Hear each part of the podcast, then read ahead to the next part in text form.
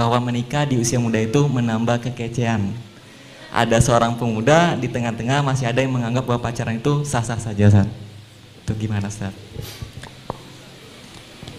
Saya nggak mau ngebahas hukum pacaran, tapi tapi saya ngebahas efek.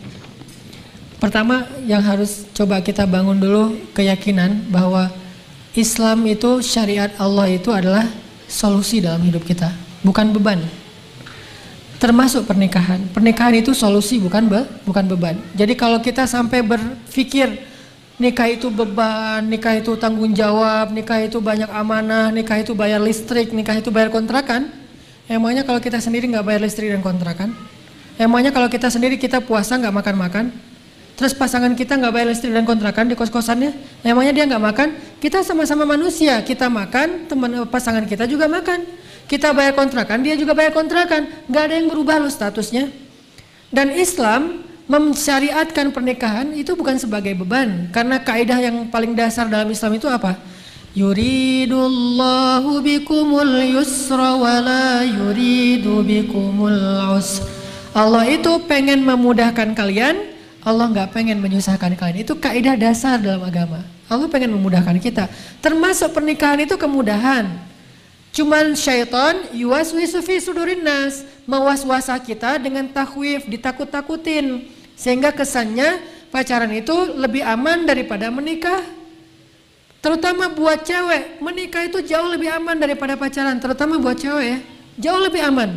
Apalagi uh, dan berlaku juga untuk cowok. Tapi khususnya buat cewek, menikah itu jauh lebih aman. Makanya jangan terlalu dalam keterlibatan hubungan kita kepada seorang cowok kalau belum halal. Kenapa?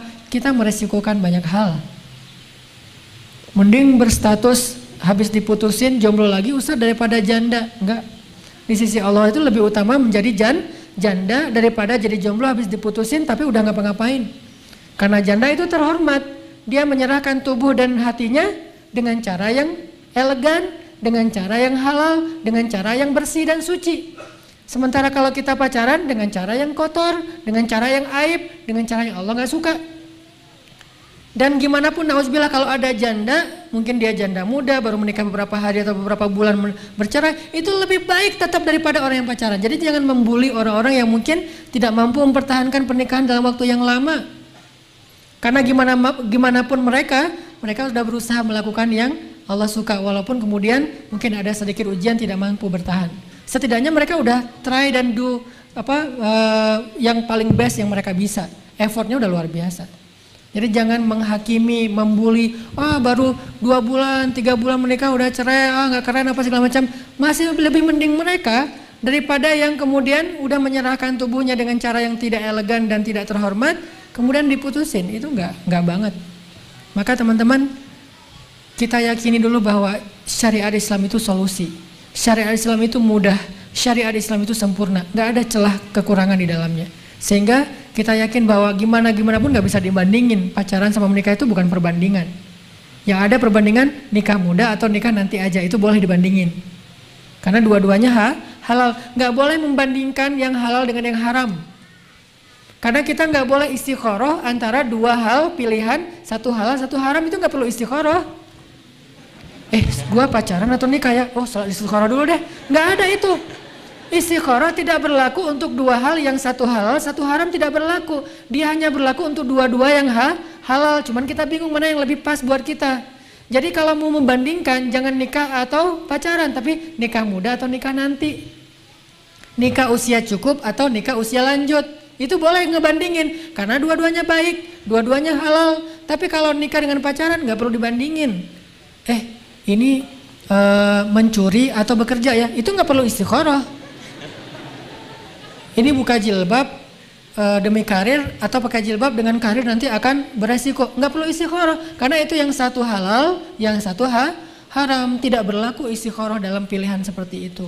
Jadi pertanyaannya juga mungkin sudah keliru nih, kita luruskan sedikit. Tidak membandingkan antara pernikahan dengan per, uh, pacaran. Yang dibandingkan antara pernikahan sekarang atau nanti saja setelah lulus kuliah itu boleh. Dan jawabannya sangat relatif. Kalau buat saya pribadi, karena emang saya salah satu profesi saya ngebully para jomblo.